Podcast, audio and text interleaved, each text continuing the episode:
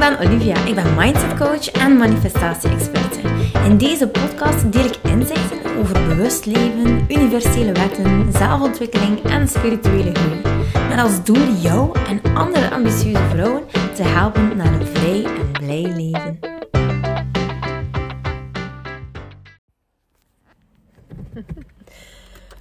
Hey, goedemorgen, goedemorgen.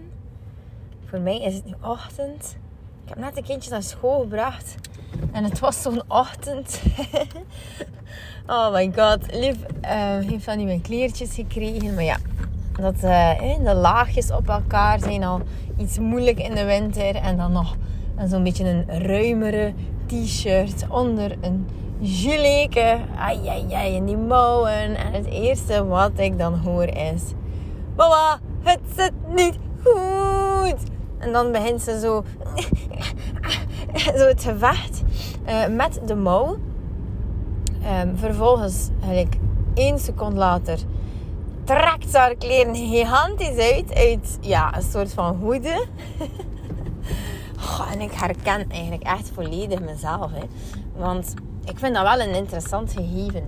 Dus uh, wat er eigenlijk gebeurt, is dus ze voelen van oh, iets zit niet zoals ik het gewoon ben. Iets is anders. Ten tweede proberen ze het op te lossen, maar eigenlijk is het al een lost cause in hun hoofd. Het is eigenlijk al verloren, want ja, um, no way dat dit gewoon goed gaat komen. No way dat dat plots eh, goed gaat zitten. Uh, het is zoiets van, dit moet nu geëlimineerd worden. Nu. Determination. Uh, dit moet van mijn leven, dat moet er nu gewoon af. Er is geen andere optie. Maar ergens, omdat ze bij ons weten dat ze uh, hun kledij zo 10 minuutjes moeten dragen. Uh, voordat we veranderen van kledij. Eh, omdat het een kwestie is van ja, ik heb in een tijd zoveel kledij gekocht. En die hebben ze dan nooit gedragen. Um, omdat ik ja, ook gewoon echt op een duur heb je zoiets van, Jesus, weet je laat het. uh, heel die heisa daar weer rond. Uh, om dat continu opnieuw te proberen. Uh, dus dan heb ik eigenlijk um, ja, heel veel kledij moeten weggooien. En dan breekt mijn hart daar eigenlijk ook wel een beetje van. Dus dan dacht ik van oké. Weet je, ik ga gewoon de 10 minuten regel invoeren. En de 10 minuten regel invoeren heb ik gedaan. dus de afspraak is, we laten de kledij 10 minuutjes aan. Um, we zetten dan ook gewoon een soort van timertje erop. En als het na 10 minuutjes niet gewoon bent, dan kan je, kan je kledij veranderen. 1, 1, 1. En ja, eigenlijk, uh, is de kortzijting die dan uiteindelijk gebeurt bij hen. als ze echt gewoon die kledij beginnen uit te trekken. En, en ja, ze doet het niet echt, niet echt af, omdat ze ergens weet van... Ah ja, ik, ik moet het ergens wel aanhouden. Maar dan begint ze dus mega hard aan te trekken. Waarvan ik dan denk... Ja, er is gewoon no way dat ik dit gewoon nog uh, goed kan eh, doen aanvoelen, die kledij. Als dat dan nog een keer zo uitgerokken is. Jongens, dat maakt het gewoon nog allemaal moeilijker. Maar ik herken mezelf daar dus enorm in. Hè. Ik herken mezelf daar enorm in. En uh, ja, geen uitweg zien. Hè. Ik moet die kledij aanhouden. En toch wil ik het niet. En dan gewoon echt mega woede aanvallen. Beginnen roepen, dieren. Uh, had ik niet in de laatste podcast, nummer 112, uh, eh, laten vallen dat ik vroeger echt een zeer choleriek type was. Um, ik weet nog zo'n voorval. Ah, toen heb ik het verhaal niet gedaan, maar misschien mag ik het hier wel doen. Um, ja, het, eh, het voorval van Jules en ik, die woonden zo samen op een mini appartementje. En dat was nog voordat we ons eerste huis hadden gekocht. En ze hadden daar een toaster. Nu, ik ben zeer gek op uh, alles wat broodpasta is. En vooral zo toastjes zo. Oh, ja, heerlijk in de ochtend. Oké, dus um, ik maakte altijd een toastje. Maar die toaster, die, brandde, die verbrandde altijd mijn brood. En ja, oké, er zat er wel misschien wel een bepaalde skill gezeten hebben die ik nog niet had. om zo tijdig te gaan kijken. Of weet je, dat je zo voelt van, ah, na één rondje in de toaster is mijn broodje nog niet krokant genoeg. Ik wil het nog een beetje meer. en zo, ja, dat is echt wel de grens uh, opzoeken natuurlijk, hè. En dus dan laat je de, het broodje nog een rondje in de toaster. En uh, ja, hoe vervelend is dat dan als je broodje daar dus helemaal uh, verbrand uitkomt. Maar het irritantste eraan vond ik altijd dat dat zo fel begint te roken altijd. Dus heel je huis, je haar, oh, je kledij, dat begon altijd te ruiken. En wat ik nog het meest irritante vond dat altijd voorkwam, was dat Jules daar altijd zo... Ah, zo kon overzaan. Ah, kijk, je hebt het weer niet in de gaten gehouden. Je hebt het weer niet dit. Um, kan je dat niet? hoe, is het, hoe is het mogelijk, Olivia? En uh, ja, nou, de zoveelste keer uh, begon ik eigenlijk te merken dat het misschien niet altijd aan mij lag, maar misschien wel aan de toaster. En dat ik zoiets van, ja, maar ik heb er nu wel op gelet. En toch er zat hier een vervelende mini achter mij aan. En amai, dat mens zat echt met haar energie bij mij. Ik ben blij dat ze weg. Uh, Oké, ik zeg nu ze, maar voor hetzelfde geld was het een, man. Iedereen is altijd zo gejaagd in de ochtend. Kijk, voilà, dan steekt hier iemand mij voorbij. Ja, ik hier gewoon de, de snelheidslimiet. Dus wat is het probleem? Ik maak een eitje rond mij en ik maak hem helemaal groot, zodanig dat iedereen mij gerust laat. Ehm, ben ik dan de enige die niet stresst in de ochtend? Jongens, toch? Ah, of toch op de weg. Um, Oké, dus die toaster uh, die vloog een keer echt door de ruit naar buiten.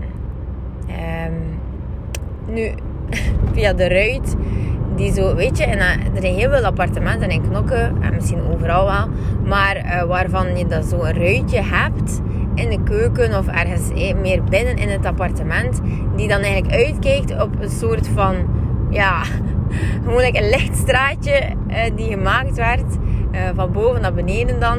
Eh, van, ja, dat is eigenlijk gewoon een gat in het midden van een appartement. eigenlijk. Maar...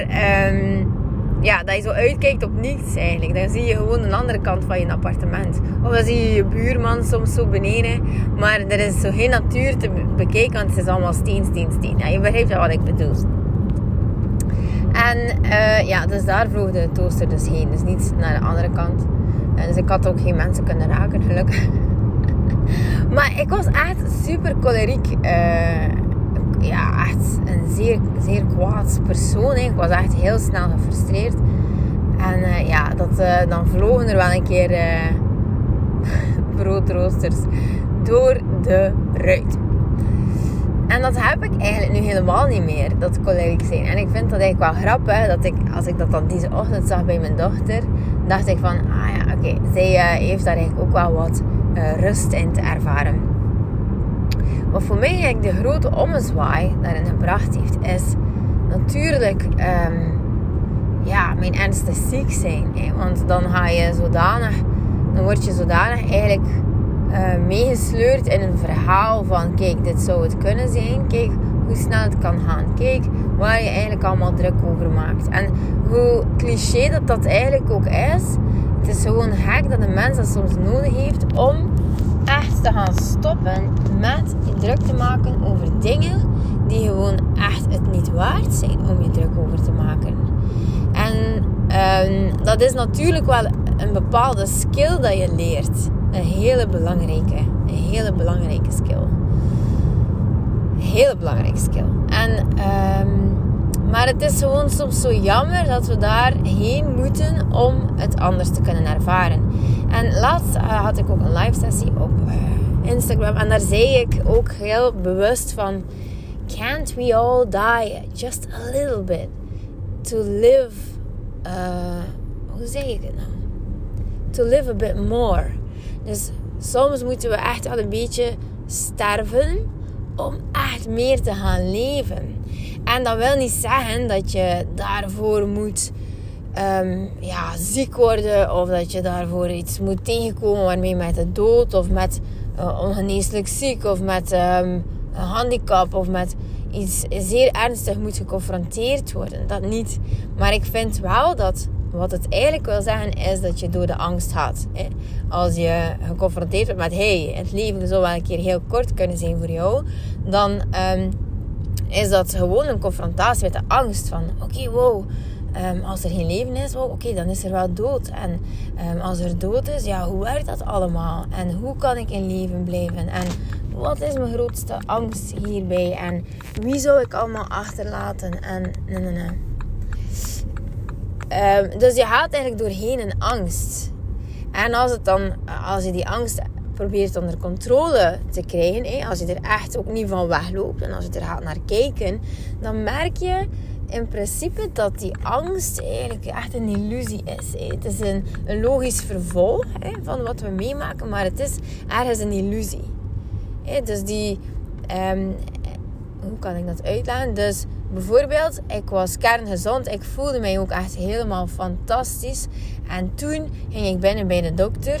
En toen zei hij: Olivia, we hebben eigenlijk niet zo'n goed nieuws.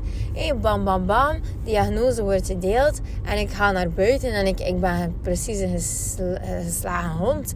Uh, met zijn staart tussen de benen, een krop in de keel. Gewoon echt voelen dat je met het leven bedreigd wordt. Dus echt iemand die je keel vastneemt. En een enorme stomp in mijn maag uh, had ik precies gekregen. Dus de invloed van woorden, van uh, beleving, van intenties die overgebracht worden, is gigantisch. Gigantisch.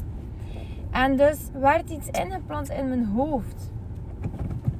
Want wat het eigenlijk is, is hey, de mensen benoemen het dan ook gewoon met zo'n woord die, oh, die zo doorslaggevend is voor um, wat je eigenlijk van je situatie maakt. Hè? Want als je het woord kanker zegt, dan wow, dat is.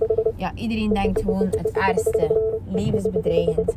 Maar wat het eigenlijk is, is gewoon ja, een hoopje cellen die um, in feite in hang gestoken worden.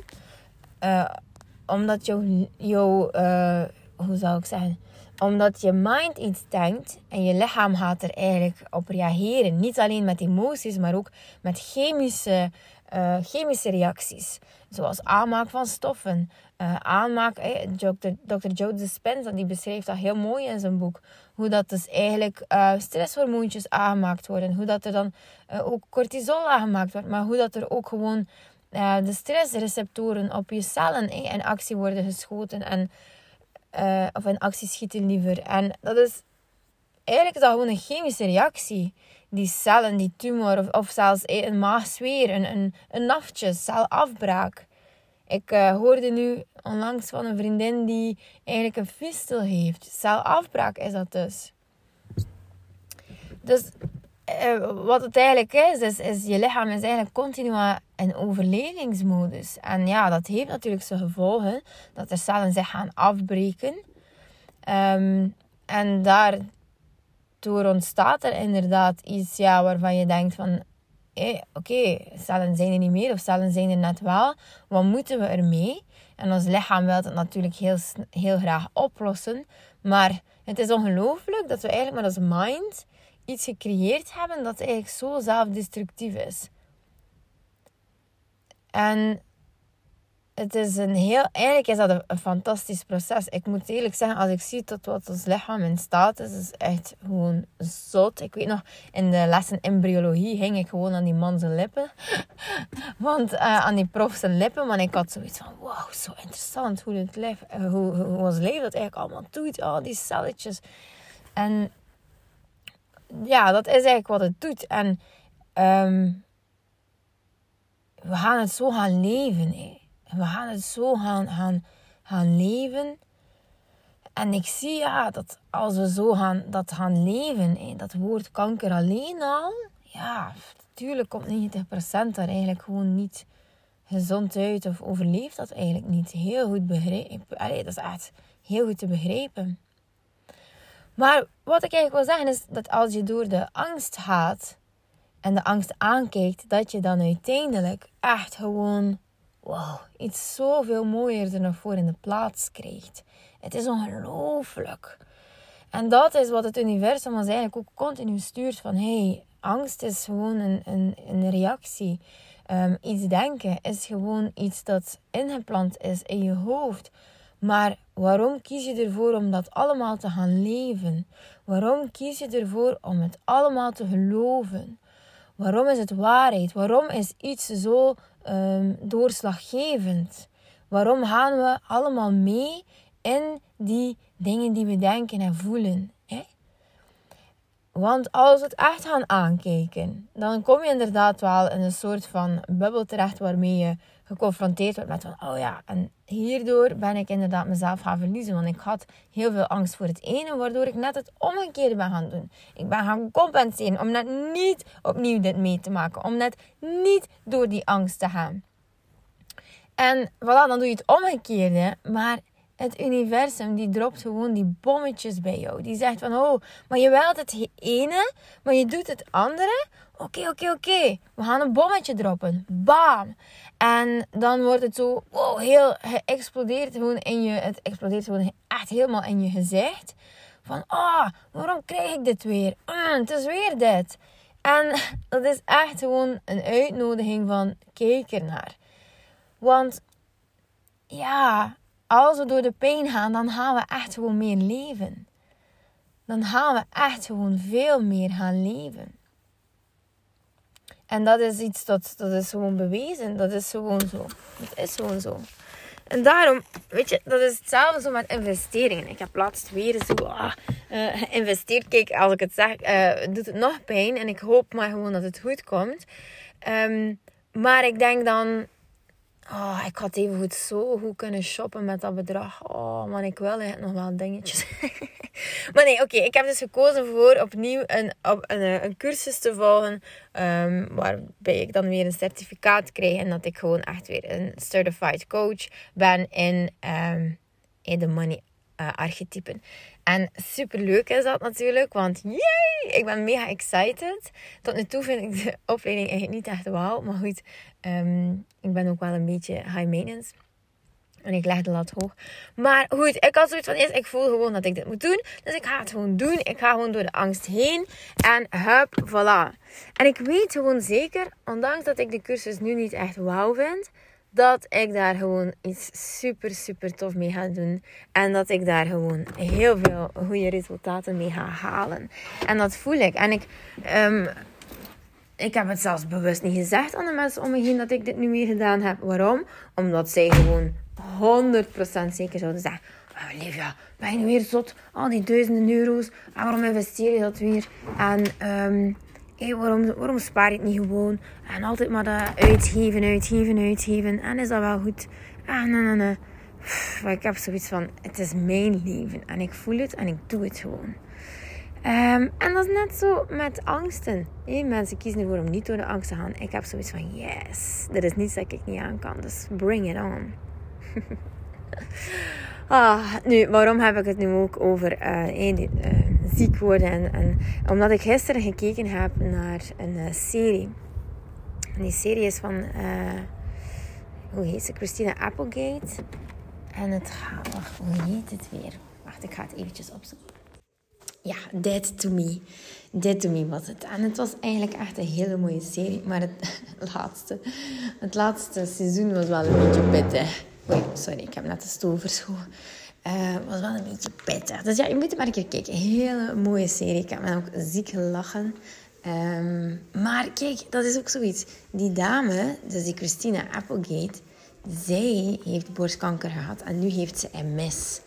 Duidelijk signaal van haar lijf. Duidelijk, duidelijk signaal van haar lijf. Om te zeggen van, oh, ik moet hier echt... Eh, um, mee aan de slag. Ik moet hier iets doen. Mijn lichaam stuurt mij verschrikkelijk veel signalen. Hè? En toch moet het zien dat ze, zelfs zij met zoveel middelen daar dus niet geraakt. Niet door die angst kan gaan. Maar misschien is ze ermee bezig. Ik wil niet kort door de bocht uh, gaan. En ik wil niet um, zeggen dat ze er misschien niets mee doet. Dat weet ik natuurlijk niet. Maar ja, het is wel een dingetje. Hè? En dan gezien dat ze ja, borst Borstkanker is bijvoorbeeld echt een, een scheidingsconflict. Een scheidingsconflict van um, ja, scheiding met een kind, een ouder, een, weet ik veel. Dus een scheidingsconflict kan met een partner kan eigenlijk op onnoemelijk veel uh, vlakken voorkomen. En mensen weet ik nu niet uh, uit mijn hoofd. Maar um, ja, dan denk je, oh, ik hoop echt zo dat ze de juiste begeleiding krijgt. Nu, in ieder geval, vanavond is er de webinar Money Sweet Spot. En ook daar gaan we echt gewoon door de angst heen. Ja, ja, ik ook opnieuw, want ik moet mijn verhaal doen. Dat vind ik altijd spannend. En um, dus kom er gewoon bij. Het is echt een bom, bom, bom waarde die ik drop gewoon in die webinar. Het zou zonde zijn moest je missen. En je is ook gewoon gratis. Dus um, kom er gezellig bij. Groetjes. Lieveling, dankjewel dat je luistert. Ik ben blij dat je erbij was. Mag ik je alsjeblieft vragen in ruil voor deze gratis content mij wat sterkes te geven op Spotify of op iTunes? Of stuur je bevindingen door per DM op Instagram.